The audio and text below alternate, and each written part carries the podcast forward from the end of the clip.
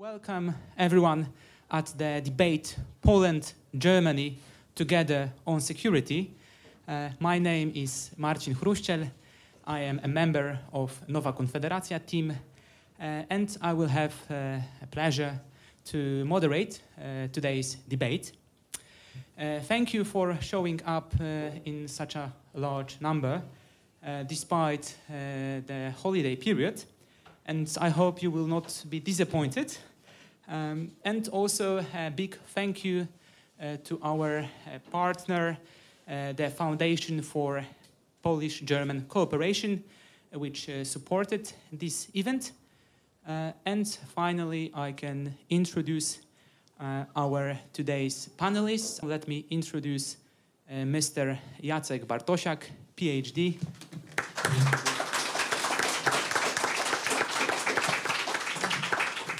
Secondly, uh, let me welcome Mr. Uh, Michael Kwas. And last but not least, I would like to welcome uh, Mr. Pavel Behrendt.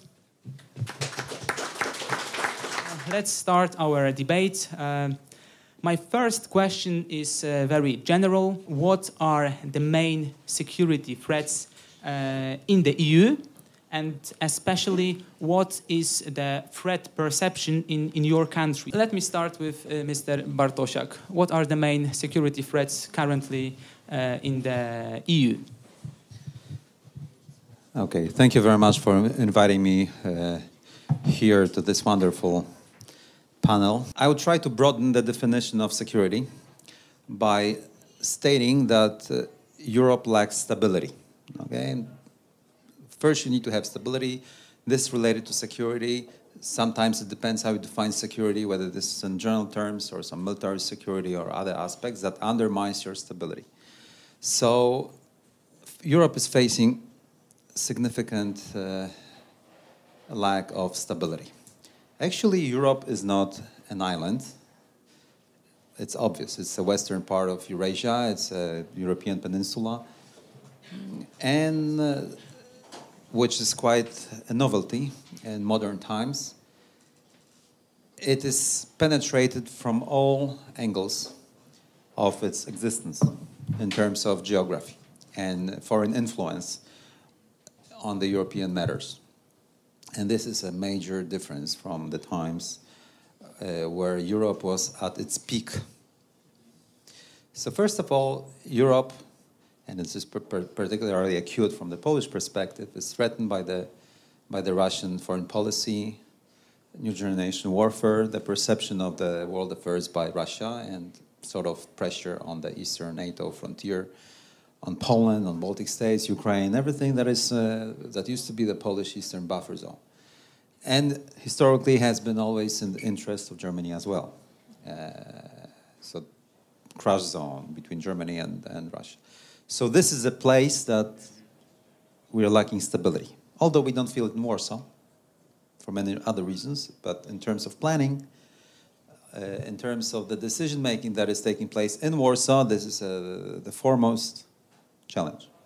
And that derives strictly from the lack of security on the NATO eastern uh, frontier, in NATO eastern flank, whatever you call it and our concern about the future of Ukraine. What what about you know Russia, Baltic states, etc. Baltic Sea situation, Black Sea, Romania, you, you name. The other thing is uh, penetration from the Middle East and Levant. Europe used to have the forward position in Middle East and in Levant. It used to be like that in the 19th century, even in the 18th century, in the 20th century. It was the European troops that stationed there and stabilized the situation. It was like a forward defense of influence. Now it doesn't exist. Turkey controls the straits, Turkey controls the land bridge from Eurasia into Europe and can control the strategic flows as it wishes. As it wishes. There is no defensive perimeter, I mean, even in political terms or any cohesion on the European part, how to deal with that. The third angle is uh, the fact that Europe doesn't embrace Northern Africa anymore. Northern Africa and geopolitics used to be part of Europe. That's why French were there, British were there. And that stabilized to the benefit of Europe, and of course, servicing the European powers' interests, this perimeter. Now the Mediterranean became a connecting lake to the strategic flows, movement of people, free movement of people, even if we don't like it, it destabilizes the situation in Europe. So we, as Europeans, do not control this perimeter either. We are too weak to control it, to impose our will, how we want to see this happening. and the fourth, which is convenient for Poland, but I'm not sure if it's convenient uh, longer term for Germany, and for sure not for other countries uh, in Europe. We constitute the common Atlantic world, and the US is the strongest power in Europe, although it's not a European country. Which means that actually Europe is penetrated uh, from uh, the Atlantic uh, Ocean, from the US in terms of influence, which is great for Poland because it consolidates, anchors our independence, but I'm sure that there are politicians within the European Union that don't like it. And that, that's, that's a, you know, quite a stark picture of uh, Europe that uh, in this new era of great power competition in Eurasia, it's not a peer partner between China and United States. So, Mr. Bartosiak, what you are saying means that uh, these threats are not only military, but also like it's about migratory flows from uh, the Middle East and from North Africa. It's all about stability. Stability gives you security, and stability gives you prosperity. Stabi stability gives you progress. Everything. Okay. It also gives you the social contract, because in order to things for things to be stable and for us to live, we need to have a stable social contract.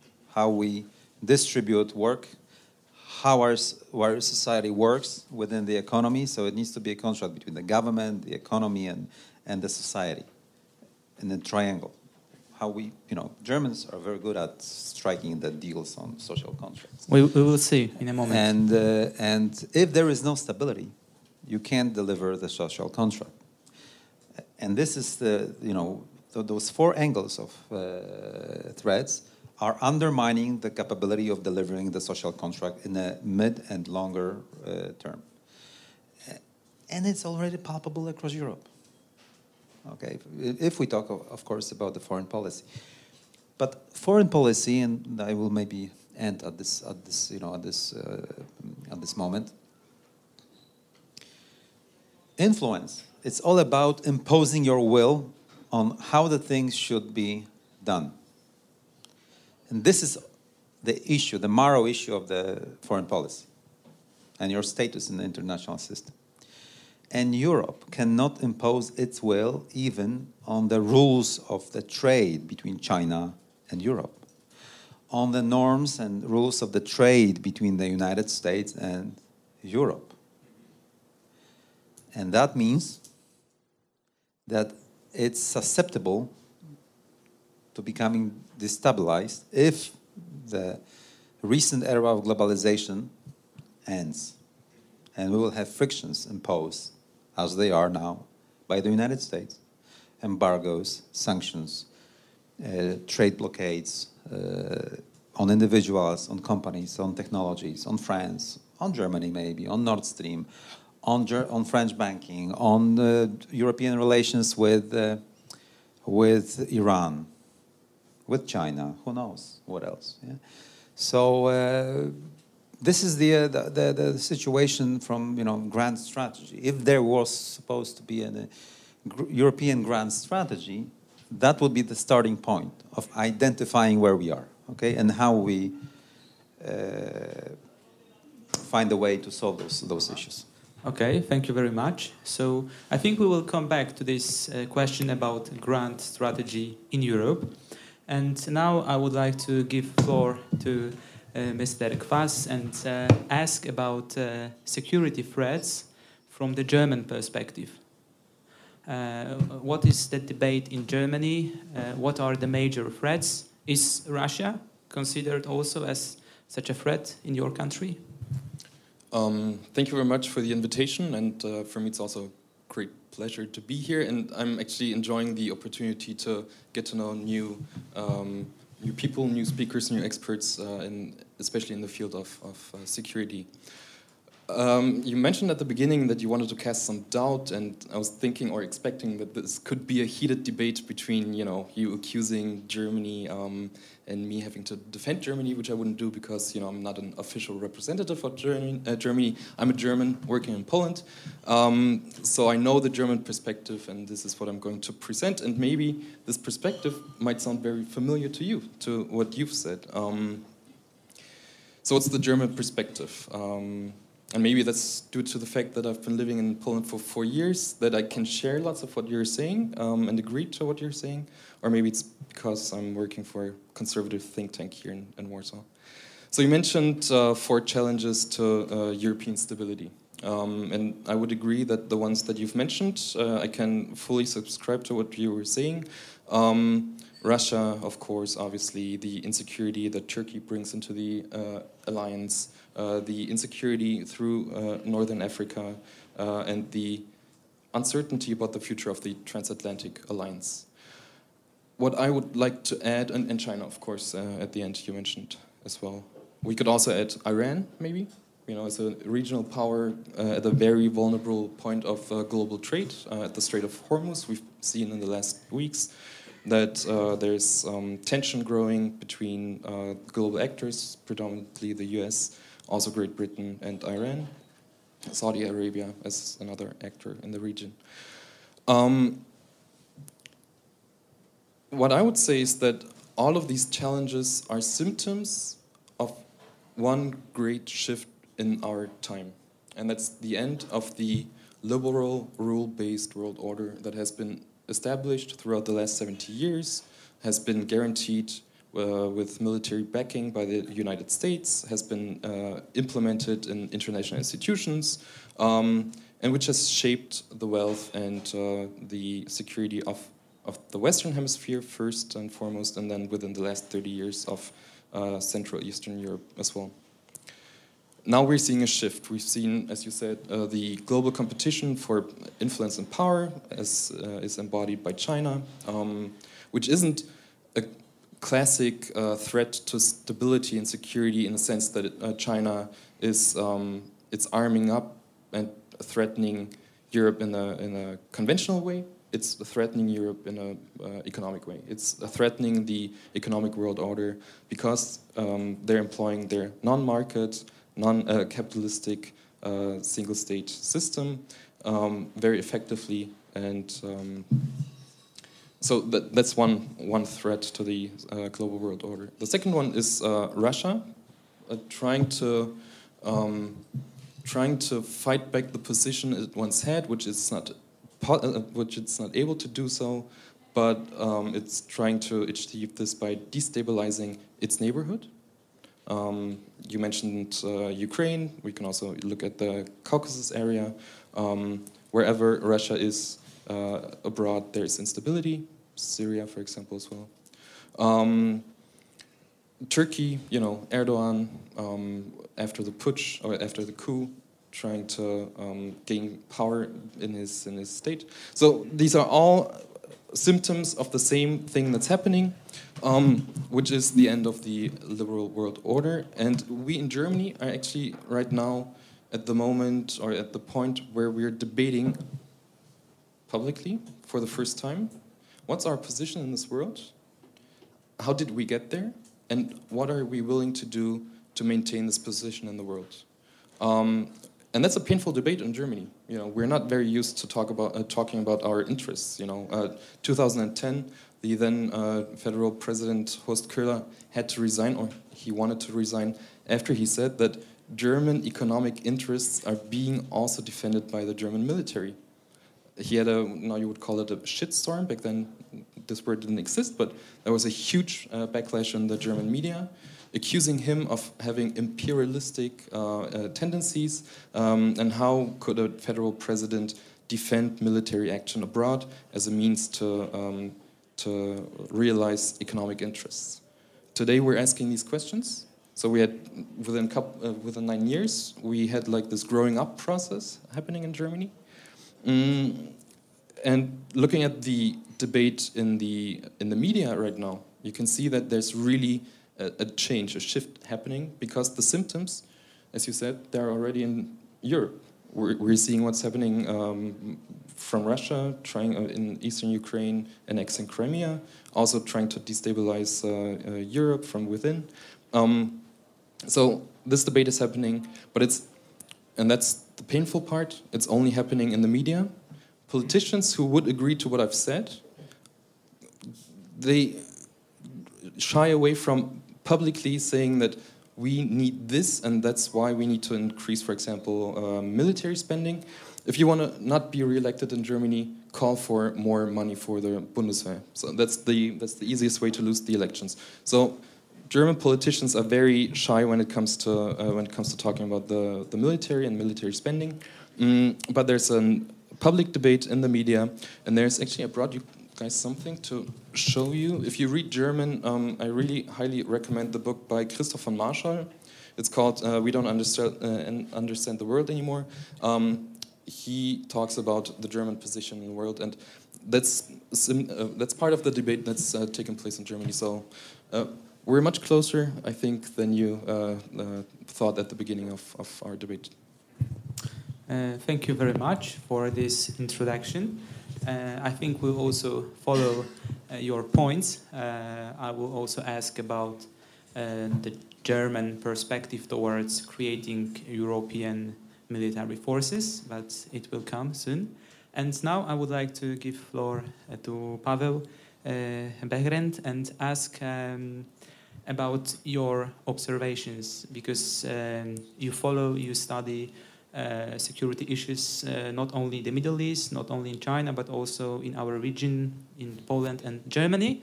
And uh, do you see these um, differences in threat perception between Poland and Germany? Um, thank you for having me.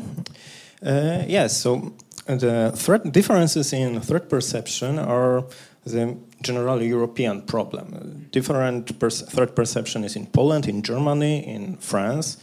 Poland borders with Russia, what has huge influence on our threat perception. Germany mostly doesn't feel threatened by Russia but also doesn't have the global ambitions, as Mr. Kwas has pointed out. Um, for example, France has global interests and is interested in global politics, but doesn't feel threatened by Russia and doesn't have enough resources uh, for global policy in a huge American style or even Chinese style. Mm, there is also a lack of um, coherent uh, conception and threat perception within the European countries. Um, the most problem I will show you here is that not all people are now aware that the liberal democratic fairy tale of the 1990s is already gone. And yes, we have shift transition a period, uh, so we have to rethink our security interests, um, not only as uh, single countries, but also as uh, the European uh, community.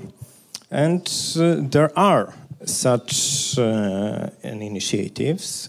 Right now, uh, Germany, Poland, and France are working on European regulations that would um, boost European companies in competition against Chinese and American giants. For example, uh, it would be easy. It should be easier to make fusions or block uh, the companies, especially Chinese, uh, that are uh, perceived as a threat. Okay. Uh, in, indeed, there is this kind of argument in a debate in Europe that uh, uh, in front of these superpowers such as US and China, Europe should somehow integrate more in terms of building big companies, uh, technological giants. Uh, but recently also um, there, there are voices saying that Europe also must create a common defense industry. Uh, recently, we have seen the creation of a European uh, Defense Fund, and in this next uh, financial perspective, I think 2021, uh, 2027, um, there will be much more money devoted on these uh, issues.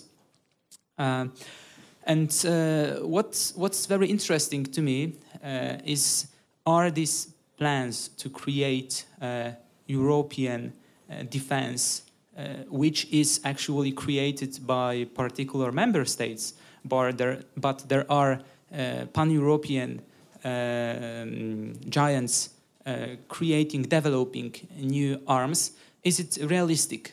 Um, Mr. Bartosiak, what, what do you think? Are these uh, maybe ideas, uh, are they going in a good direction? Okay let me complicate again, uh, especially at the, at the, beginning of uh, what I'm going to say. I'm not the president of Germany, and I will never be. So I'm, uh, I may say that uh, if the U.S.-led uh, international order and the global trade system is gone, Germany, in order to maintain the social contract, will have to project power and have the military power to, pro to project. So he was right. The problem is that the rest of the Europeans will not allow Germany to have it. And in those two sentences, we actually describe the whole complexity of the European peninsula situation. There will always be a balancing coalition against German power in Europe. The English speaking nations will not allow it to happen. That's easy and simple. Yes, but on the other hand, how about uh, reinforcing German military power through European institutions? Okay, the, again, the question is simple Who will be commanding this army? Where it will be deployed? Who will be procuring the equipment? Who will be controlling the maintenance? Who will be deciding what the supply chain looks like that feeds this military? In whose interest it will be deployed? For example, Germany is, uh, you know, sort of dependent, at least some branches of German industries, dependent upon the uh, customer market in China. So what happens if the Americans are blockading the Malacca Strait? And Poland, Germany, Spain, other nations have a common army. Are we deploying ships to sort of uh, roll down the American blockade of Malacca? This is the real thing, okay? Our, uh, projection of military power is a real thing, okay? You feel, you plan it, you field it, you pay for it, you make decision every day. It's a tool of foreign policy. Also in perception. So will the United States be an enemy of this? Shall we have the identity of interest? How will that impact the transatlantic community, which has stabilized the European peninsula since the, the begin, since the end of the uh, the Second World War, and then extended also was extended to embrace Poland and other uh, former outer uh, Soviet Empire countries. These are that's why Germans are so cautious about coming up with this idea all over again. But I, you know, I will give you the example. Germany so far has not made the decision about acquisition of F-35. I'm not, I don't know if Germans know it, but I know it, that this sort of faltering has already instigated a lot of concern in Washington, D.C. about the unity of German foreign policy with the transatlantic world. And this is a sort of only a tiny thing. Let's imagine the deployment on the NATO eastern flank in mass numbers, not in you know tactical battalion, with combat troops and live ammunition. It's a real thing. Not to mention the fact I'm not quite sure that Poland will accept that these are the German commanders because Germany have more has you know Germany has more money, you know more of leverage, you know industry. And I'm not quite also sure that uh, the interests of Poland and Germany toward you know with respect to Russia are the same. Uh, and they I- cannot be the same because we are different countries. Run by different you know geography is creating a distinction of interests for example germany doesn't feel a big army because poland exists okay? That's one of the reasons they don't feel threatened by revisionist russia because they have the buffer zone of poland even if people in Germany don't like to, to, to talk about it, that's a fact. Because we have the army and there is space to subordinate first. That's why, and that creates a distinction of interest. That's why we want the Americans to be here. Because uh, actually, it's the only the United States that has a potential to project power far away into, into continental Europe in case there is contingency. I'm not sure about any other European power to be able to face Russia if there is contingency. Uh, I ask this question because uh, I remember that in 2017 uh, we saw a common German and French uh, defense plan how to reinforce European defense uh, capabilities. And in this plan, there was a point of creating a European headquarters. Okay, let, let me I just that- quickly answer that. I mean, less of talking, more, you know, of doing. At the moment, when we speak, the Chinese have more firepower in the ships that are venturing into the Mediterranean from the South China Sea, from the Chinese Southern Fleet, and you know East China uh, Fleet. That's they venture here than French and German Navy altogether in the Mediterranean that sometimes uh, show presence. And this is the reality, okay? And with every year, with every year, this will be even more and more so. And if U.S. is, uh, uh, you know, is going to decline and withdraw. One more thing, because there are so many issues. Who is going? For example, the Chinese submarines are already venturing into the Atlantic Ocean. Who is going to track them? Germans? German Navy? There are not so many vessels. I mean, the, the, the, the European military has declined substantially. The Libya uh, operation showed a weakness, and nothing was, uh, was done to re- remedy that. So, from the Polish perspective and American perspective that I know very well, it's just empty words of building something together. But actually, nothing is uh, to materialize soon. Okay, I think we also we will we will come back to to this. Uh, also, this uh, argument that there are no concrete steps. But now, yeah, I would like to So- give floor to Mr. Pavel Becken. So I, um, Jacek, I, in a few points I will disagree with you.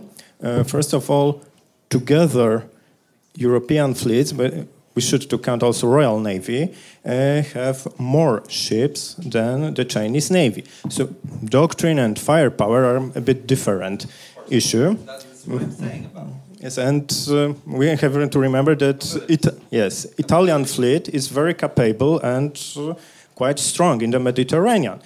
So when you uh, what was uh, in what you said that uh, it seemed that wow, Ch- Chinese fleet and huge group came to the Mediterranean. Uh, no, there are always two, three, max four ships that take part in anti-piracy mission at the coast of Somalia, and then they often visit the Mediterranean. Once they were even in the Black Sea, And uh, from time to time, and this is uh, what we should pay close attention, they make in the Mediterranean a common military training with Russian Navy, the Med Mediterranean escadron of uh, uh, Russian Navy. Okay.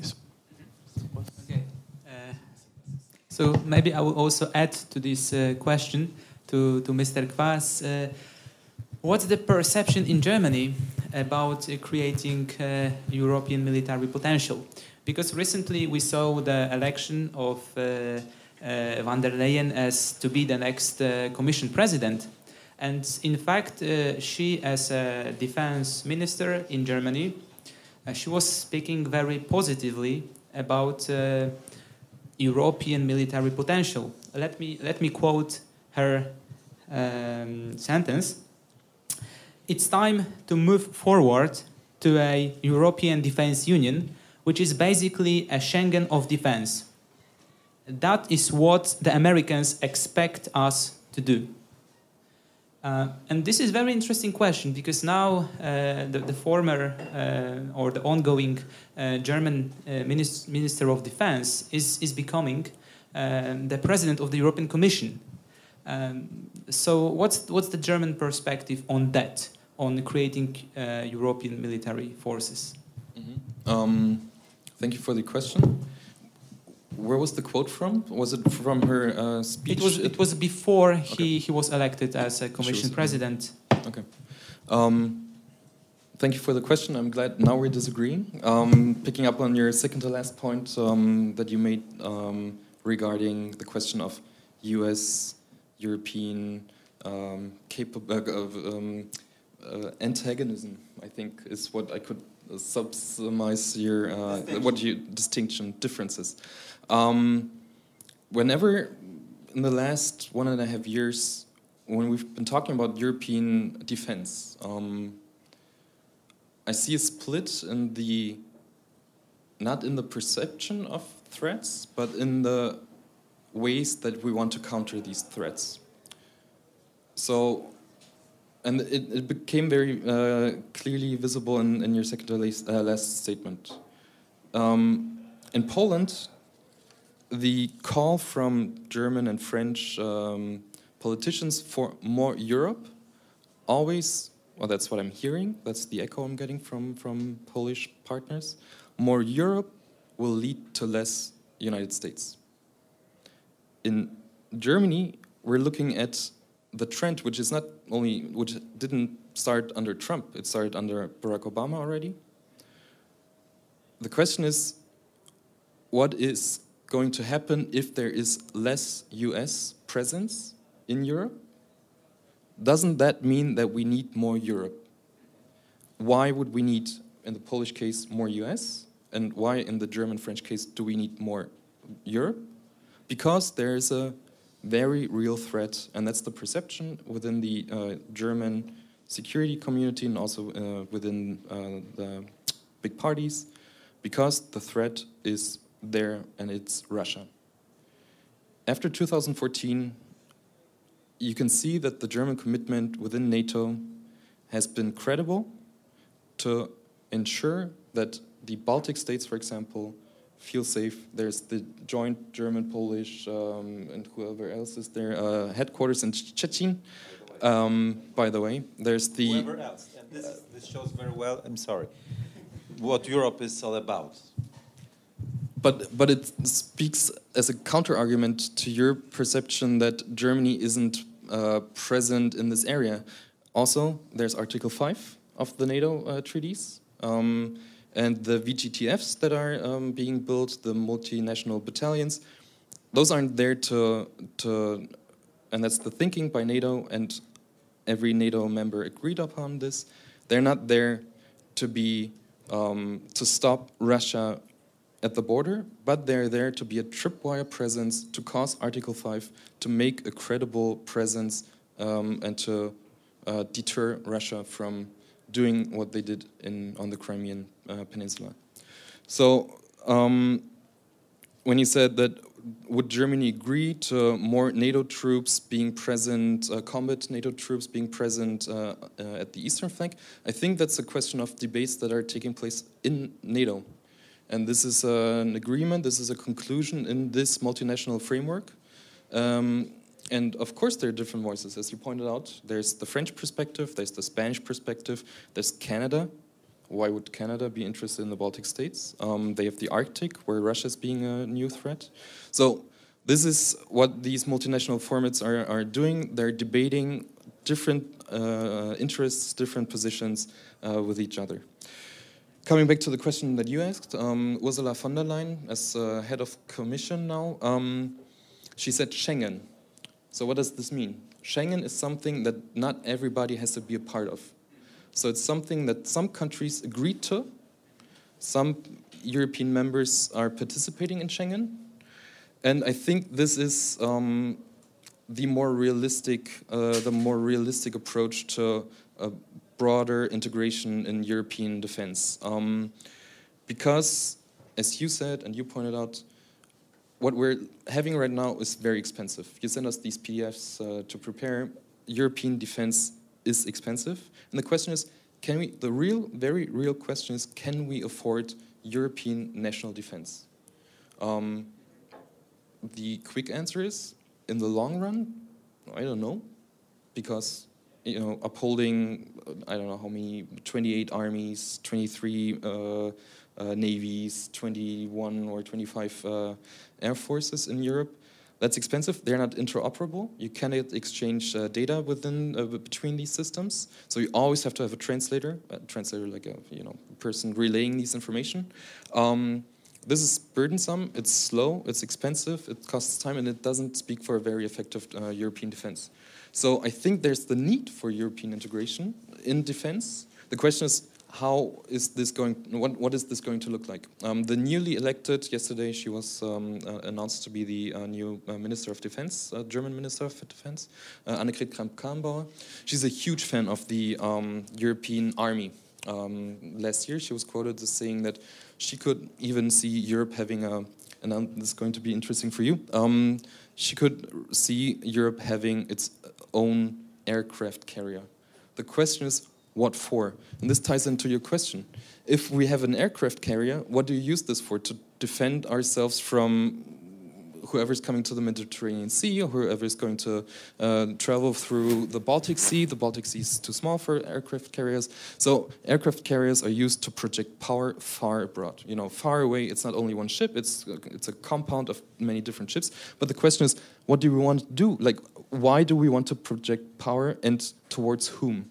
And I think we should learn how to walk before we run. We should agree in Europe, we should debate, as we're doing now, debate on what are, uh, what are our common security interests at home and abroad. What do we want to achieve by having pooled and shared capabilities, by having maybe even an aircraft carrier? What do we use it for? And and and nobody in Germany is saying that. Um, uh, nobody would would um, would subscribe what you said. Uh, do we want to use this against the United States? No.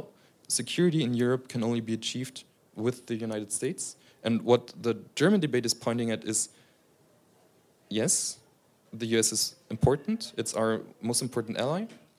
But if the US is being, if the US forces and capabilities are being bound uh, in China and in Iran, then we have to step up. And we have to step up our game. As we said, it's expensive and inefficient, and yeah. And it's, it's also interesting because actually the Trump administration is pushing uh, European countries to spend more on defense. And also uh, by, by showing that um, American interest uh, has already shifted away to Asia, um, he's also actually giving this sign that Europe should be more uh, should be more concerned about its own security and should invest more uh, in in this in this area.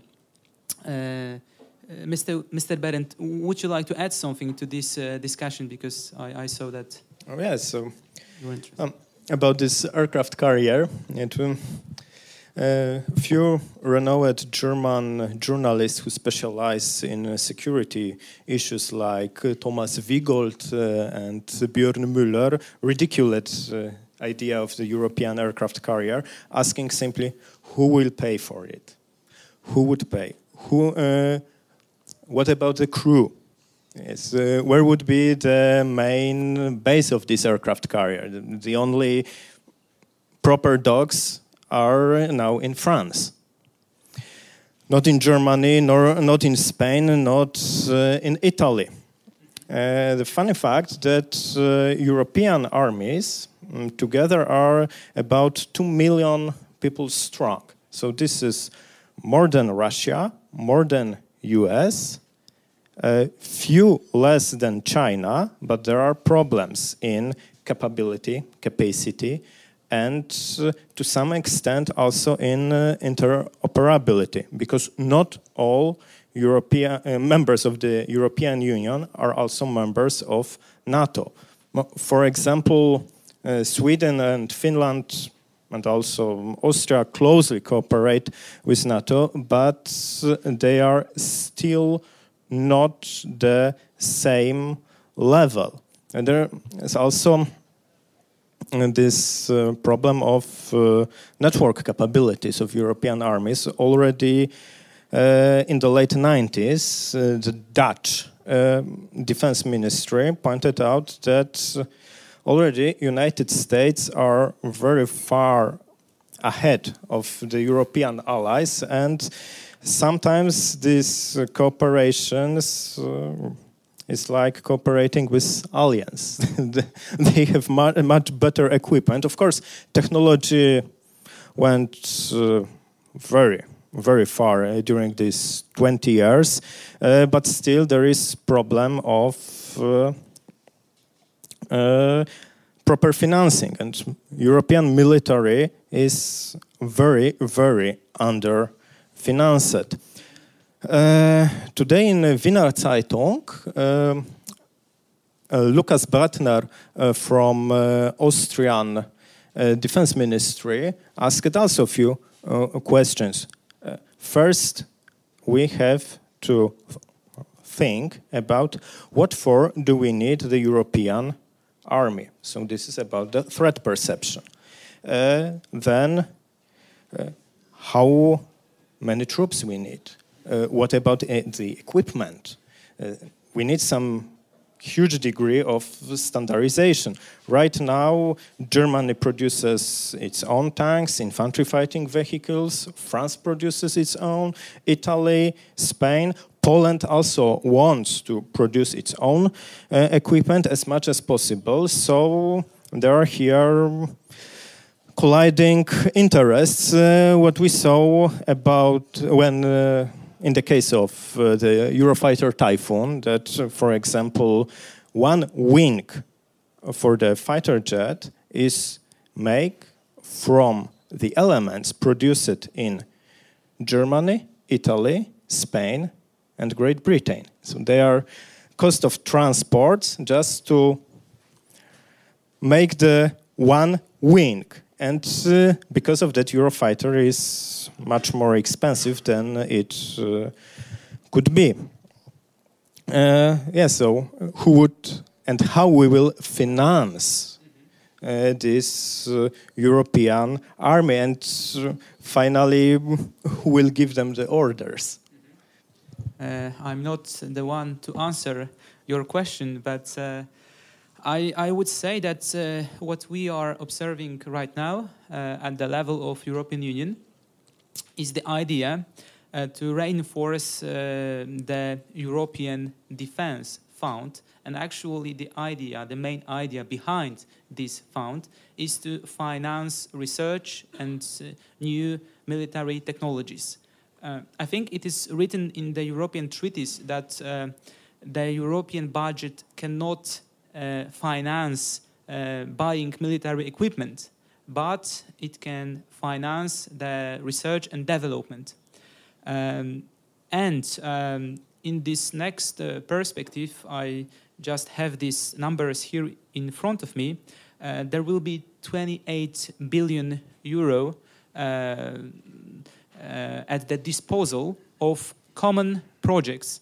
And I think the only criteria is that three um, companies from three different uh, EU states have to participate uh, in this project. So maybe the answer to your, to your question is that uh, this new military equipment, or at least the development of this military equipment, will be financed through the European budget. Uh, of course, if uh, all the member states will agree to spend more on common European defense.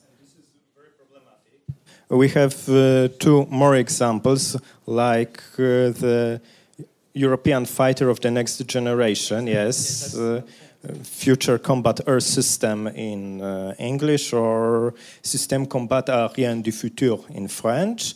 And the, the main um, participants are France and Germany and also Spain. Spain. Yes, but already the, third, the third yes, partner. Yes, already we have uh, problems with uh, the concept of, and idea of this new fighter. Germany wants something a bit different than France. France wants uh, SCAF uh, to be also a carrier-based aircraft. Germany, in general, is not interested in this because Germany doesn't have an aircraft carrier and wants a bigger, heavier uh, fighter.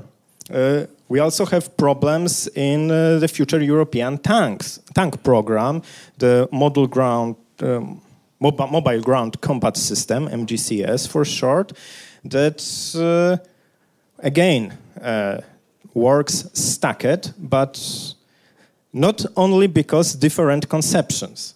Because Germany wants a heavy tank to fight in Europe, what is also in the line with Polish conceptions. Uh, France uh, wants something a bit lighter, what you can pack into the transport ship or transport plane and send to West Africa or somewhere around the world. Uh, and uh, now there is problem because Rheinmetall wants to join the program. Uh, the program is led by consortium uh, KNDS, made of uh, French Nexter, this is state-owned enterprise, and German Krauss Maffei Wegmann, private-owned enterprise. And Rheinmetall, another German private-owned enterprise, wants to join it. Probably they will buy a Krauss Maffei, but uh, this makes differences in uh, division of uh, costs and works. France wants 50-50. Uh, and uh, with Rheinmetall, the French proposition was 50% for Nexter, 25 for, uh, for KMW, and 25 for Rheinmetall. But it is not enough for Rheinmetall. Probably Rheinmetall will want to make it one third for French, one third for Krauss Maffei, and one third uh, for uh, Rheinmetall, and France won't accept this. Uh, one more thing that to the previous your previous question, I forgot to mention that there is a quite funny situation because most of European military and security establishment, also in Germany and other countries, is uh, very pro-American. They are Atlantic-oriented, and uh, this makes a good field for fight with some politicians who want more independent Europe uh, in the global arena. Okay, so I think that uh, here we can leave uh, for a moment this uh, debate about uh, European military potential. And I would like to introduce another question to the debate, which was uh, promised and which was planned. Uh, so the question about uh, digital hybrid threats uh, in Europe, also respectively in Poland and Germany, because uh, when you were talking about this uh, threat perception in Poland and Germany, you have not mentioned this specifically. You mentioned the threat perception from Russia, but uh, I think it was more in the context of a possible, I don't know, invasion. And how about these uh, cyber uh, threats, uh, digital threats, also this disinformation threats? Um, are we in Poland and respectively in Germany ready to counter these, these uh, challenges? Are we developing our own national agencies, forces to, to combat these threats? Or are we counting on European solutions? That Europe should actually, Brussels should invent this kind of agency to, to fight uh, cyber threats. Uh, Mr. Bartosiak. Yeah, before, before I uh, embark on uh, answering this question, I just want to sort of, you know, uh, take the liberty of summarizing what we have discussed. And I think we are in, in agreement that Europe is sort of a pool of nations, and uh, the history of Europe was driven by confrontation among those nations. And even thinking about the future combat systems, you can see that there are conflicting interests, and geography dictates the rift between those interests. And uh, that's why it's going to be very difficult to deliver something like that. Although, although sometimes when I'm tired of thinking about geopolitics, I really I really dream about having this united Europe, okay? That would create a lot of stability, especially for the country here, as long as we would solve the so called German question and uh, the sort of uh, size of German economy that always, in the longer run, is destabilizing Europe. With all due respect, this is what usually happens because it changes the distribution of power, and that creates a co balancing coalitions, and we entered, and all over again the same damn cycle. So um, uh, that is uh, that is the thing. I would also uh, try to add something going forward into the future, as I think we will be witnessing that. We have all been discussing here whether Europe should have its own military force or not, how to do it. But we need to answer the question what would that be needed for? And on surface, it seems that Europe has the same, Europe as a whole, let's take this mirage of Europe as a whole, has the same interests of the United States. And that's why when Michal was saying that, okay, we're Germans are spending, we want the US, we want to cooperate with the US military. These are just the words the real thing is what does that mean? Because I think that the US expects the European allies to really beef up its military and spend more, not to have its own indigenous power projection and military force to secure interests, but to contribute as allies to the US global supremacy contest. Okay? And that's a completely different story. It might be in Polish interest to do it. We can discuss it separately. But I'm not, it might be in the UK interest, maybe. But will that be in German interest? Maybe today, who knows? Westbindung against, you know, continental project with China. Difficult to say. But in 20 years, if China is still growing, you know. So it's a it's a it's a it's a really uh, difficult question, and you can feel it, in my opinion, uh, across German public uh, sphere. Military wants F-35 because they want to stay on the edge. Okay. Of power projection, on penetrating the, the great air defense, they they see that the U.S. is feeling the formidable military. They want to stay in touch. But the industry and politicians don't want it that much because it's a American supply chain. F-35 is strictly, even Italians, of course, are producing it, but it's actually is being controlled by the U.S. F-35 because it's very top secret due to key, you know, a few critical technologies. So it will not be within German industry. So and, you have, and that, you have that, the response. I mean, this uh, future air combat system produced okay. But it's not European easy to countries. it's not easy to develop a fifth or sixth generation aircraft. It's a very complicated thing. And you know, legions of other things are popping in. About digital. Sometimes when we debate such things, a digital threat, military threat, we tend to define them as separate issues to be theoreti- theoretically discussed in a, some sort of a loaf concepts. Actually, it's about imposing your will. it's about making sure that things happen as you wish them. Sometimes you, you have the money and capital to have this power over someone else. Someone you have the big economy that is a big market, and then you have you can you know use it. Sometimes you have the dollar. Sometimes you have aircraft carriers and military boots on the ground.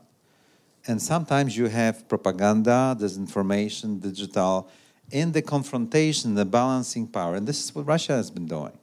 Because they are economically weak, they are actually a pariah of economy, but they are relatively, not hugely, but relatively robust military, and they can destabilize. So, because they can't provide a success story. So the perception of their strength is, you know, ridiculed. They are not attractive. So even more, they need to show that how strong they are, you know, and they sort of they need they have to instigate this, you know, reflective control and you know other mechanisms of uh, imposing your will, dividing history, in history, everybody has been doing it, but especially the, the regimes that were not successful in delivering the success story. So I would treat it as a nat natural phenomenon that every day you need to deal to, to, to bar someone's uh, leverage, to bar someone's, or to fight off, or to contest, to challenge someone's uh, influence. I wouldn't treat as something I mean, suddenly out of the sky there is a, this digital thing that, uh, and of course the answer how to deal with that is again in Europe difficult because we have different perception who is your friend and who is your foe. And the case of Germany is very outstanding here with Nord Stream and German cooperation and uh, the German industry and politician uh, willingness they're just waiting impatiently for the sanctions to be lifted and so that the German capital could be invested in, in the vastness of Russia. You know, I mean, and the strategic flows are again back in the game. And Poland is against it. And US can play the game as it wishes, so to speak. Yeah? And it's very difficult to overcome this. But are we doing anything uh, in Poland to counter these threats, like developing some agency against like cyber threats, digital threats? Because I have not heard about this kind of uh, developments. Rather, we are looking what is going to be uh, introduced at the European level. What what is your opinion? Well, Should we develop our national capabilities in this respect, or of course? Okay. And it's not because, for our German friend, I may sound a little bit like, you know, uh, Poland has a very peculiar situation. And we wouldn't like to be in this situation, but we are. We have 1,200 kilometers from the Gulf of Finland, or maybe from the Gulf of Riga, to the Gulf of Odessa, the unstable perimeter on our eastern buffer zone that used to be the old Polish Empire and also of interest for Germany in the, in the past, that is unstable, that can deliver a killing blow to our statehood, that can deliver instability to our success story, and we need to control, I mean, to, to, to know what is going on there and what threats might emanate now or in the future. So this is the burden that we need to shoulder. We need to, in my opinion, we and, I, and I'm also of the opinion that we're doing too little. I think that this is uh, our strategic interest to take it on our shoulders. Nobody else will take it from for us, and we're not doing enough. Spain doesn't have this problem, do they? Portugal? No and that's maybe Germany might have in some some respect, and this is why in the past, our politicians were trying to convince the German leaders to have this sort of understanding of this. So far, uh, and I, I, I, wouldn't like to, to sound uh, antagonistic. No, to the contrary. I think that German, and let me end, Germany has a, despite its a weak military, despite it might not have the bright future, theoretically, despite its glories already in the past, it is still a, a power that has a lot of positive things to do for stability of Europe if it plays its hand properly. And moreover, and that would be like you know like the final court if that showdown between US and China continues over trade, strategic flows, and other things, the, German, the, the German leaders and Germany itself, despite not having military, despite not having global power projection capability, through its own decisions, may tip this showdown. I mean, it's a paradox but I see that unfolding. So the German decision, what position to take in the US China showdown over control of strategic flows, technology, norms, markets, trade, that is intensifying every day, may change the calculation of power in this Eurasian showdown. Uh, it's, it's very interesting because uh, recently we have uh, seen joint German-Chinese uh, military, I would say, um, on maybe not operations, but it was like a training, yes, like, um, but it was only about medical forces, yeah. But still, it's well, maybe. The okay, but but okay. U.S. also had medical dr military drills with China. Uh, but now I would like to uh, give floor to, to Mr. Kwas, and uh, I would like to ask you about uh, German way of countering this cybersecurity, because as far as I know, there were plans to create uh, ADIC, which is a shortcut for agency which is uh, supposed to, comb- to, to combat these uh, cyber and digital threats. And uh, what is the, the, German position on that? Should it be done nationally or uh, at the European level? Okay, uh, thank you for the question. Um, I think I need to respond, and now I'm actually. Of course, you can, you can comment also I'm, to Mr. I'm now Bartosiak, getting into yeah. this position that I didn't want to be in, but I'm I'm feeling that I kind of have to defend the German position a little bit and to counter your uh, requiem that you were already singing uh, about the German uh, German state and German society.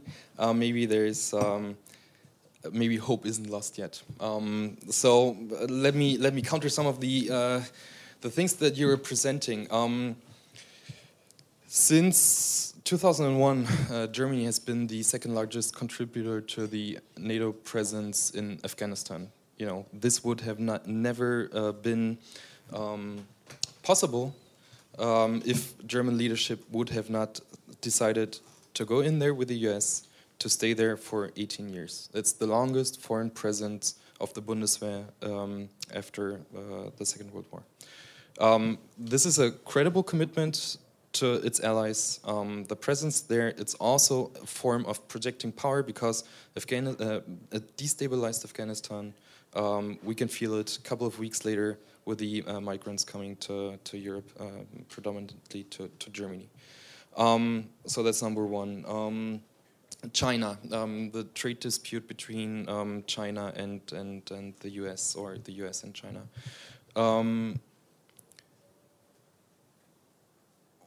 When German, when, when China was opening its market for German companies, there was huge enthusiasm huge. China is a huge market. Um, uh, billions of customers, potential customers, um, which are, you know, the average wages are rising, uh, poverty is being eliminated in China. It's not only the the cities that are uh, uh, now profiting from from China's economic boom. It's also you know broader the broader public. But in the last years, there has been a public debate, also led by German companies, about the success of German companies in China, because every investment in China comes with the forced transfer of knowledge and uh, IP. Um, so these companies are now realizing that they're going into a market where they're, at the moment, they might have the um, upper hand when it comes to uh, new technologies, but in a couple of years, China's just going to copy it and make their, uh, start their own brands, um, which they can then uh, sell for cheaper. So there's a debate. And you said before in, in your very opening statement, and uh, just remembered that um, Europe can't do much about uh, China, um, even in Europe's strongest uh, playing field, which is trade. I think Europe can because there's the uh, WTO, um, and we still have this uh, ace, which is the market status of uh, China. And there was a case which the European Union brought to uh, the courts, where China claimed that after being having been a member of the uh, WTO for 15 years, they now uh, can call themselves a market economy. And Europe is challenging this, and it's being supported by the US in this challenge, and they've won. China's challenging this, of course, but what does this mean? Europe has possibilities to counter China's um, access to the world market. They can, we can still, with the US, and it's never been without the US in the last 70 years. It's always been in, uh, in accordance with the US, be it projection of power, be it stability, welfare, whatever. Um, so I think um, we do still have some measures, and the multilateral system is our playing field and we can still win there. And this this one case, which is very important to China, um, uh, at the moment we've won this. Uh, what else? Um, mm -hmm. So let's maybe get back to your question. I don't know anything about cybersecurity, but seeing since you sent me these questions, um, I read about it, uh, prepared for it. So I don't want to leave you hanging. Um, and I agree to uh, with what you said completely. Cyber is just one branch of uh, actors trying to destabilize um, us, and with us I mean Germany and Poland and, and France. Um, so since 2016, since the Warsaw Summit, uh, Germany has has started its own branch in the uh, armed forces, and this branch is called the in Germany, it's called Cyber und Informationsraum, so cyber and uh, information space. Uh, what does it mean? It's very interesting actually because it's supposed to. It's the this this it, it, collects many many experts, 260 experts from all branches of the of the military, um, and they are supposed to come up with uh, to develop and supply technology for cyber defense and to support the development of key technologies. Also in the future, um, they're supposed to develop uh, offensive capabilities. So as you said, um, cyber can also be a field for uh, for projecting power. I mean, if we remember Stuxnet 10 years ago, how uh, with a uh, American or Israeli um, covert up uh, operation, uh, the Iranian centrifuges were being destroyed. Um, so yes, you can use cyber, the cyber field, in a defensive way. You can use it in an uh, in an offensive way. Um, the offense is more difficult than in conventional warfare. That's all something that you've mentioned already, and uh, yeah, it's complicated. What's interesting is the the second part that this uh, branch of the military is tasked with. with it's called uh, the information space. What's the information space? The information space, and that's their task to monitor and report on the public debate um, that's going on, public debate and opinion um, uh, in, in, in Germany. And what does this? Uh, what this is the answer to Russian um, uh, fake news or hybrid warfare or you know um, trolling factories that are uh, sowing doubt within within um, Europe. So I think there's a there's a concept how to what to do. The question is, I don't have the insight into this. What's being done right now? Is it effective? I don't know. Um, and as you said, there's a new uh, cyber agency being funded um, this month, I think. And uh, they Actually, it was already established, yeah, because uh, I it's heard being- only it's about being, it's being, it's in the it's in right now it's being born. So um, the idea is it's a shared uh, agency between the Mini- Federal Ministry of Defense and the Federal Ministry of the Interior, um, and it's supposed to be funded with 300 million euros or something um, to do exactly this to counter and to defend against cyber attacks. Um, I don't know what's being done there, and uh, so that's all I can say to this. But according to what you are saying, uh, it looks like Germany is taking this threat very seriously. Sure, because I mean, um, what, what Germany knows and um, what I'm my employer is part of um, is that we're aware that public opinion, the exchange of opinions, that's the founding part of democracy. You know, uh, you don't want to give up this field where people can freely participate in a debate, be it you know on the streets or in the newspapers or be it online. Um, so the exchange of ideas, the battle of ideas, you know, the open and fair battle of ideas. This is what's uh, shaping democracy because uh, this is where people can agree or disagree. This is what's what's in the end shaping policy. So it's it's uh, highly important um, that we do not give up this this space to uh, some trolls who are in bad German. If you you know read German, go through uh, Russia Today and you can scroll through the uh, comment section online. Um, with bad German, um, they are actually yeah. It's, sometimes it's funny and sometimes it's scary, but you don't want to give up the the cyberspace uh, to them. Okay, thank you very much. And now uh, um, I will ask uh, Pavel, um, because uh, as far as I know, you have this perspective on what's going on in Germany and also in Poland. Uh, so maybe you can provide us with some kind of comparison. Uh, what are the, the German and in, in respect to Polish actions against cyber So- threats? Comparing to Germany, Polish actions are not very impressive. Uh, Polish armed forces, uh, there was established uh, some kind of cyber command, but uh, it's really small unit. I, am not sure, maybe about 2,000 uh, people.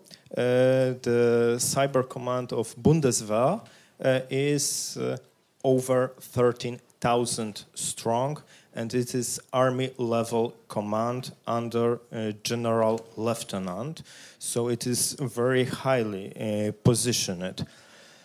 Uh, and it is quite active. And, uh, their first action it was, I don't, I'm not sure.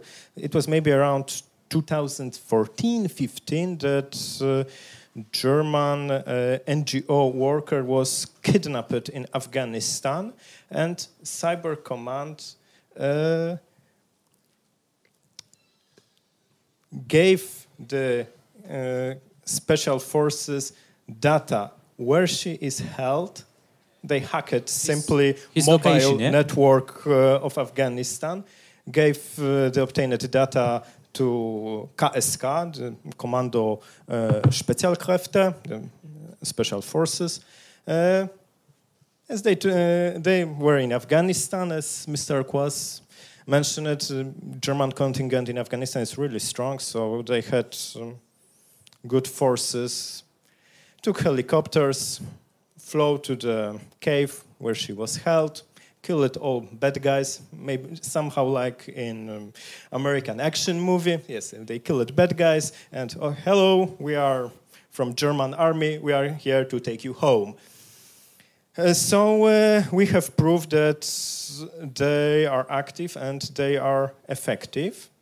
Uh, as always with uh, such uh, half secret units, what do they really do is not sure.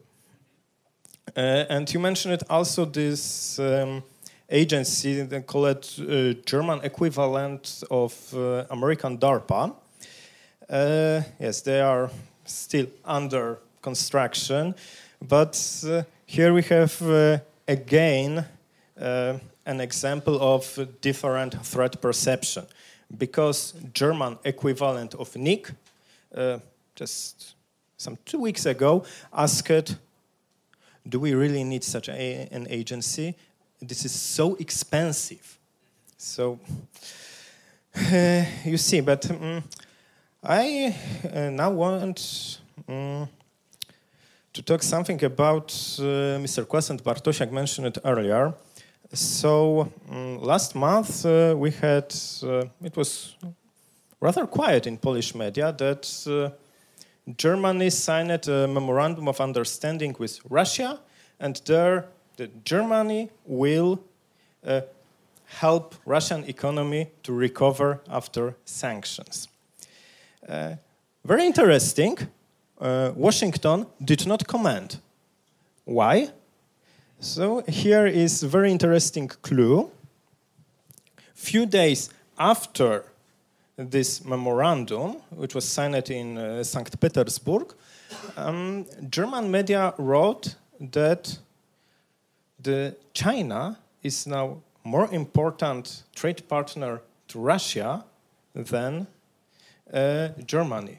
So we have, uh, yes, hint why probably Was Washington did not react and maybe even to some extent blessed such idea.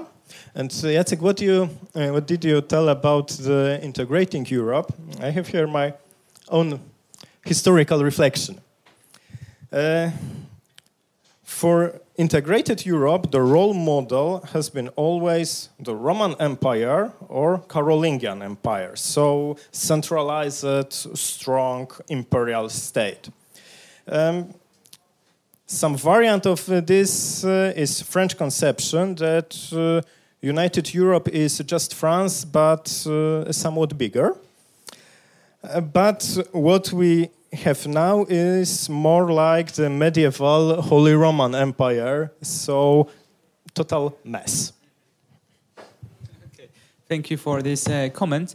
Uh, we are running out of time, and we have already asked uh, three mm, general questions. So maybe now it's time for, for you, the public, uh, to raise some points. Uh, if you have some questions, please raise your hands, and I will try to collect like two or three questions, and then we will give the floor back to the panelists and ask them to answer and maybe sum up the uh, discussion. There is a special mic. Okay. Uh, good morning, everybody. Uh, I have some written for myself. Uh, uh, I'd like to. I don't want to sound like uh, like an accuser or anything like that, but um, there is something about GDP.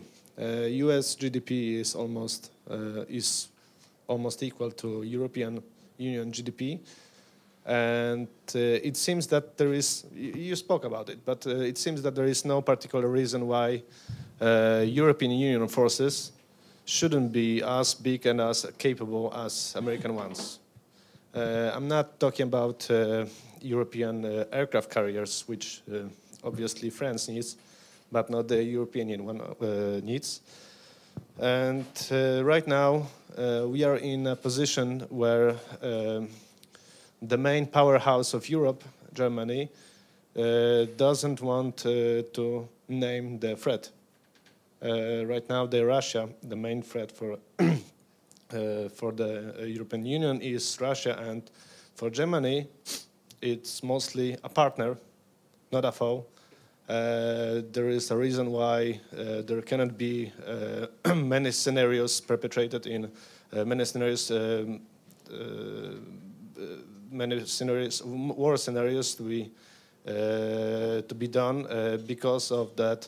Germany doesn't want to name the threat, and the third thing is that um, in Europe there's this common saying that uh, non-major thing could be done or changed if there wouldn't be any crisis. So if there is crisis, there the major change, change could be could be done. Uh, and uh, right now we are, we are in a status quo.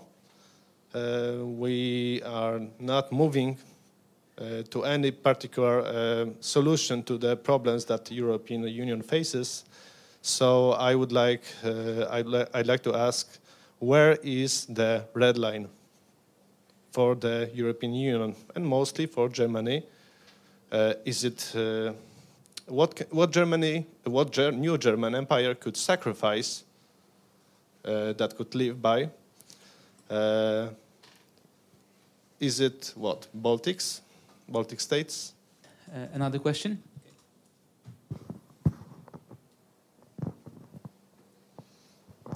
Witam.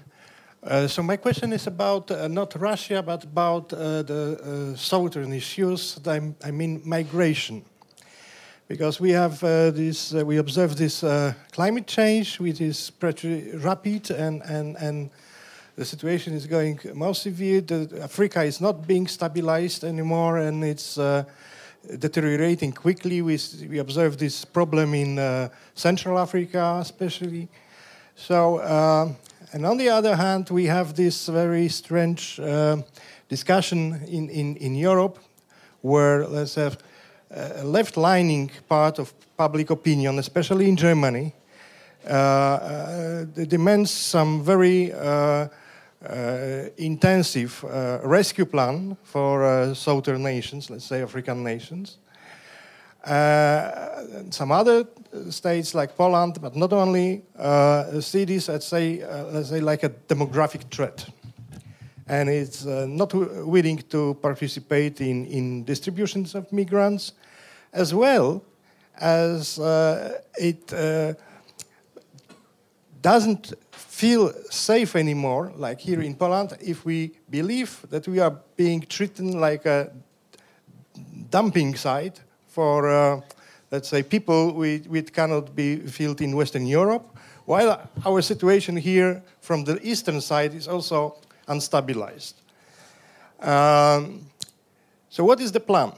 Because for the time being, I cannot see any. I see that, uh, let's say, let, us make love with uh, two, uh, to 200 uh, millions of Nigerians and uh, 50 millions of uh, the people of uh, Niger, uh, and other states like Libya. But what is the plan actually? What is Europe going to, to protect its southern border in physical terms? So to, to avoid mass migration, yes, from North Africa. Okay, that was the second question. And the third question here.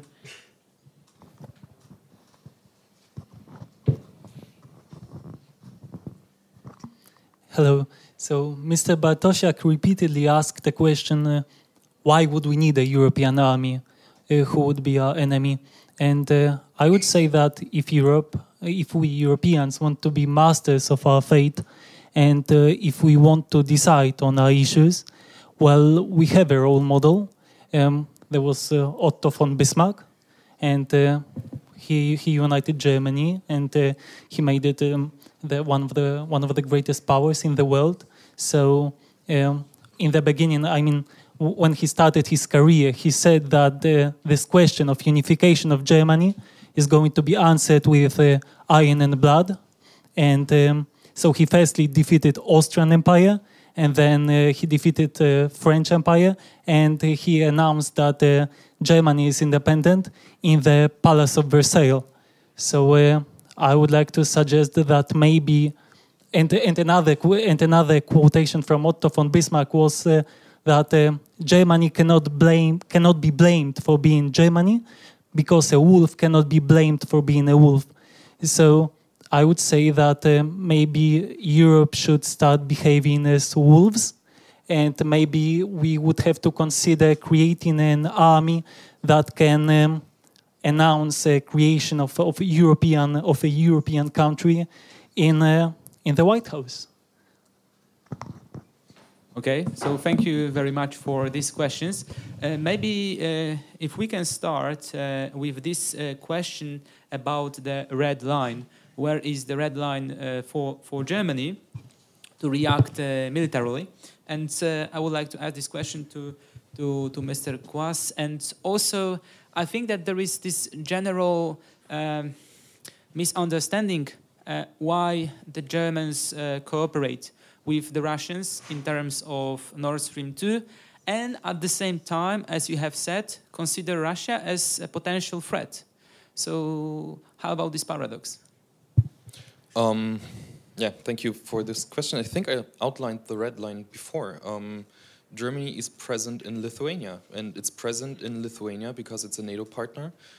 You know, it might be a very small uh, group that's there. Um, I don't have the numbers, it's small. But that's the NATO mechanism to uh, be present, to be uh, to include many different um, uh, partners within the exposed nations in, in the Baltics and also in Poland. Um, to give credibility to uh, Article 5. Um, and that's the red line for Germany. Germany, the German uh, government has repeatedly underlined the importance of Article 5, which, you know, in the past, before 2014, uh, I think lots of European nations um, knew that it existed, but kind of uh, put it away to the uh, his as part of the history books. Um, but Article 5 has been um, the talking point in, in, Berlin and in Brussels um, ever since the annexation of Crimea. So the, the reaction of NATO with Germany in it, I think that's uh, the red line. The question is, um, I think I've talked about this before, is uh, is this enough to, to, to stop Russia if Russia really wanted to start uh, closing the Suwalki Gap, you know, um, uh, conquer the Baltic states? Would these, I don't know how many are there, you know how many are there Germans in Lithuania? 800. Will they be enough to stop Russia? No.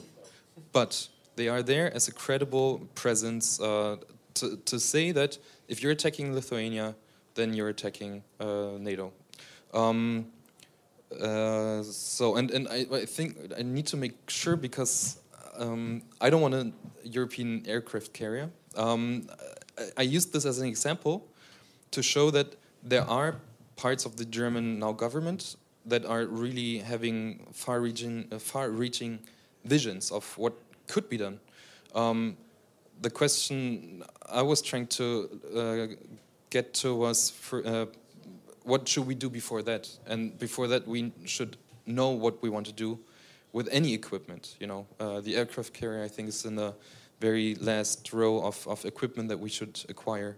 Um, and, the, and then also we need to have a debate in Germany about our so-called parlamentarischer Vorbehalt, uh, the approval of the Bundestag whenever the German, German armed forces are being uh, sent abroad. So every time there's a uh, there's uh, any German soldier being sent abroad, the German Bundestag needs to agree to this. So if we're having a German ar uh, European army, uh, you know, Dutch, French, Polish, German troops in one battalion, and they're being sent to Northern Africa, may maybe. Um, would this fail because the German Bundestag is saying, no, this time we're not participating. So also we need to do our homework in Germany before we can talk about a further integrated uh, European uh, army. Also Russia, um, Nord Stream 2, I think it's a it's it's uh, completely it's related, but it's a huge topic to talk about Nord Stream 2. But uh, Russia, um, the sanctions against Russia are being upheld by Chancellor Merkel.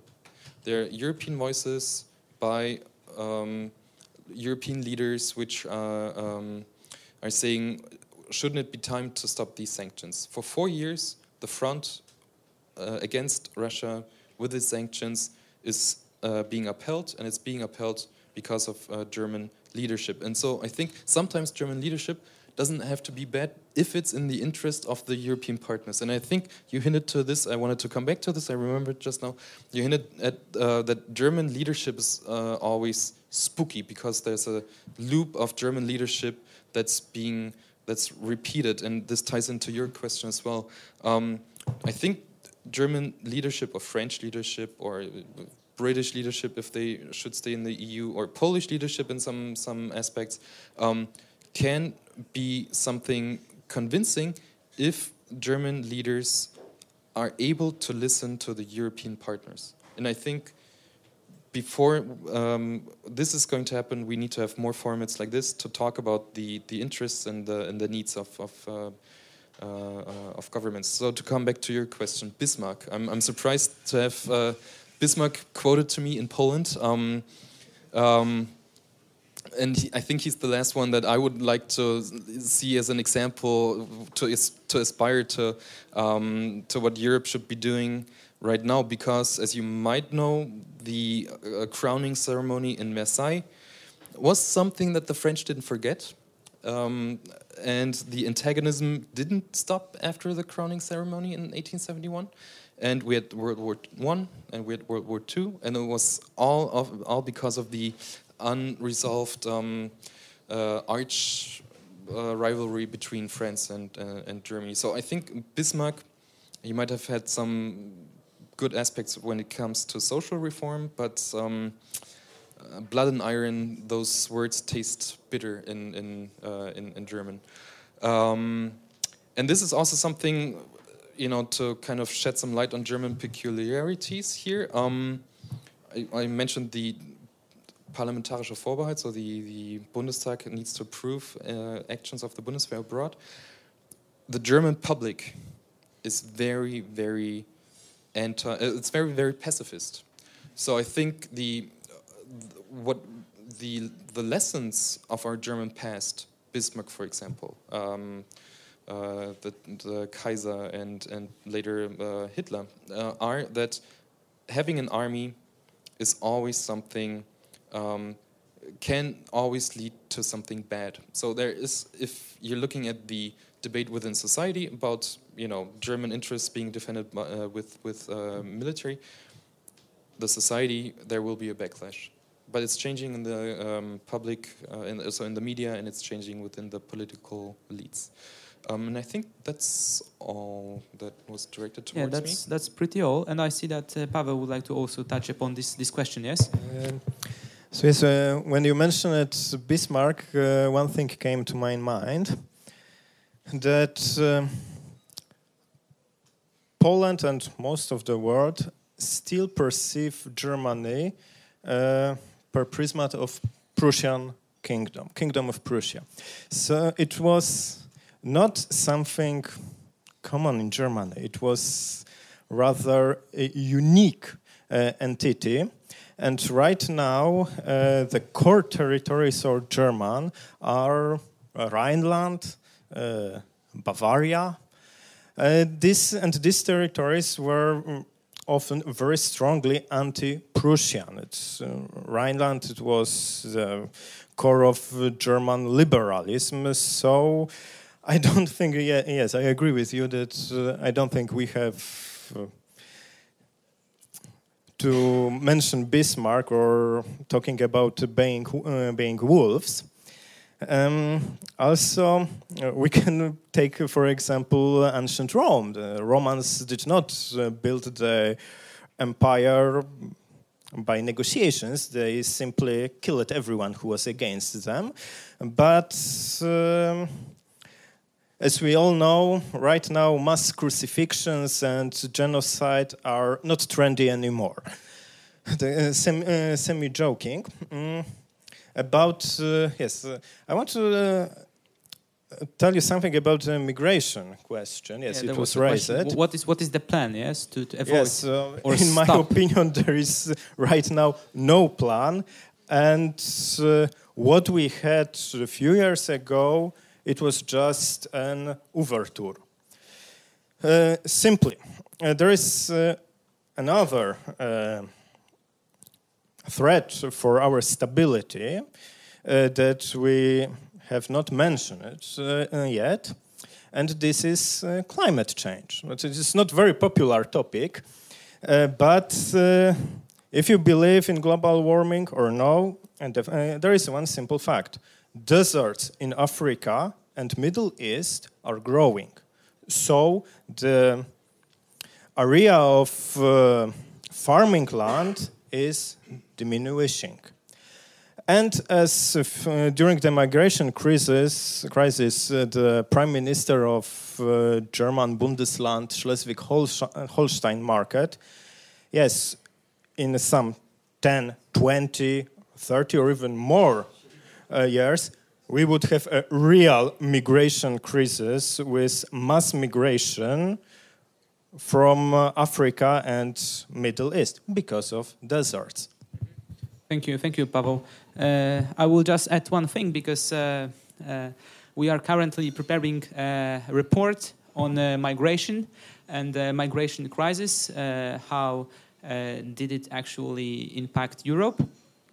Uh, and I think that the, the plan is already there, and it's called um, uh, European Plan for Africa. And I think there is a common awareness, at least, at least that uh, European countries should invest more in in North uh, Africa, but also in the whole continent, in order to avoid this uh, economic migration, first of all, but also to stabilize the region. So I think that uh, there is growing awareness that um, Europe should actually pay more for uh, stabilizing uh, this this region. But there is a question about the uh, efficiency. Yes, and one of Limitation. triggers for this policy was what China is doing in Africa. So this Of course, of course, of course. not huge, but very big Chinese investments in uh, uh, so-called Black Africa, but also generally in the whole continent.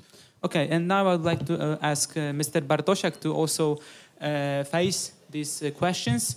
Uh, I think that uh, if you would like to say about this red line for Germany, please, and also about this maybe action plan against mass migration. And the last question about the reason why do we need European army and who should or potentially could be our uh, enemy? Yes, or does it? Do we need an enemy? Okay. Create an army. Short of stabilizing uh, Africa by China, which is probability, given the fact that uh, China wants to change the pulse of trade and the uh, who is imposing rules of trade in the world, so they want to export the cheap labor to Africa and stabilize the farmland in Africa. Like in, in line with somehow what the Haushofer's plans that was designed for Germany prior to the Second World War in a way.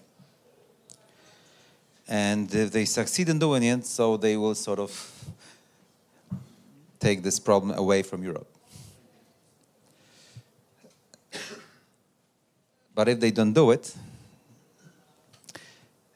Europe will have to project power into Africa, and both political power and military power that is underpinning the political power. Just like Australia, I don't know if you know, but Australian military planning since the 60s was all about creating a force, a mixture of force, that is, that is capable of projecting political power and military power into those islands between the mainland Asia and Australia. So Indonesia, East Timor, Papua New Guinea, and all those islets, islands, huge islands, and so on, in order to create the leverage. And they've been doing it many times. It, you can call it imperial, but that's how it works. Because this was their forward defense line, controlling the flows of people, of narcotics, and destabilizing factors. Europe has to do the same thing, putting aside all these politi- politically correct discussions. Because otherwise, and it's not about accepting those people or not accepting those people, it's about deciding whether we accept them or not. Because it might be so, I'm not discussing this, maybe we need them. But so far, it was not us who are deciding whether they are coming or not. If you don't project power, and that has to be somewhere on the Sahara, Sahara's barrier, you can't do anything. And that's the same goes with the Middle East. That's one thing. The second thing uh, regarding this, uh, the question about uh, Otto Bismarck, and I thought that I could say, now we talk. Uh, again, it is true that usually the process of unification is quite a bloody affair. I mean, even the example of the United States is not a very, you know, peaceful example. China is not example. Russia is not example. Soviet Union, you know, you name it. You know, by the way, maybe the unity of uh, nations of the Black and Baltic Sea belt of countries that I often talk about is not, of course, entirely black and white, but sort of more benign way of doing it. Maybe that's why it didn't exist for centuries. So, uh, and that's the, ho- the whole problem with Europe, because you can't do it. Germans were trying to do it, and they lost twice, and they remembered very well. This is why they are so cautious about speaking about the military, and the Americans are making sure that this stays like that. But this will have to change. Maybe in Poland we will not be happy. Because if it doesn't change, I don't want to sound very, you know, uh, like a bad prophet. I mean, good prophet, but sort of a saying bad fortunes. Look what happened to China. They didn't project political leverage outside of their space. They were the superpower of, of the age in all capabilities. But they missed the Industrial Revolution. Just like we may miss the new digital revolution, who knows? Or another thing. And facing the foreign, the external power coming to their back, back, back, back door, backyard, projecting military power, the British imposed the will on old Chinese empire. And then they had this 100 years of humiliation. So what happens if we are going to face the same thing? The other way around, across Eurasia. Because if you don't compete in technology, in market, in production, productivity, in military power, you're losing your edge and you're losing your leverage. That's, uh, that's, I think we already sailed out of this beautiful mirage of the end of history. Yeah. And that problems will be solved by talking and talking and talk. Okay. And if we don't understand that Europe is at this very moment, and this is, will be difficult for all the reasons we have discussed for the last two hours, it might be really so. At least this is what I think increasingly Americans are thinking about us Europeans, okay? And I think that increasingly the Chinese are thinking the same way. So perception is already set in in the mindsets of foreign powers. What European space is all about. Do you understand what consequence this might be? Yeah? And on top of that, we have all those diversities between Poland and Germany and all the history and the conflicting interests. It's very difficult. That's why I was saying that I had this dream that maybe we are in unity somehow, but I don't know how to deliver it. How to deliver. And it's not about history, it's about conflict of interest. So that's my answer uh, to that. Uh, there was one other question, yes, that I missed. Uh, there was also a question about what do we need European armed forces? And we need just to we need exactly to evade the grim situation that I sort of depicted. But I at the same time I don't believe it's doable. And this is a tragedy of the European history and the place we live in. yeah. Okay, I think uh, one last word. Okay, please, Or Pavel. what you told, mm, what you just told. Uh, every time, yes, nearly every time I talk with uh, scholars and researchers from Asia, especially from the Southeast Asia, they always ask me, uh, what did happen to the European project? The European Union was always some role model to us, especially to the ASEAN states. And yes, how, how it is possible that uh, European politics now is uh, total mess. So you should just see faces of uh, Asian or US scholars on conferences or debates that are about uh, Euro- inter-European politics. It is priceless. Uh, so I mostly answer that uh, we simply lack an idea which would uh, bring us together. All these merits of European Union are, not, are now not something extraordinary to us.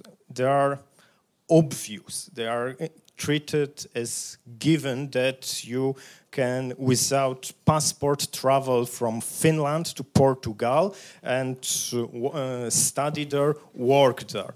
So, in such a setting, uh, we don't see anymore a target of integration because uh, yes, we are. We're, last two hours we were talking about grand strategies, big politics, and for most of people, this is some completely alien topic.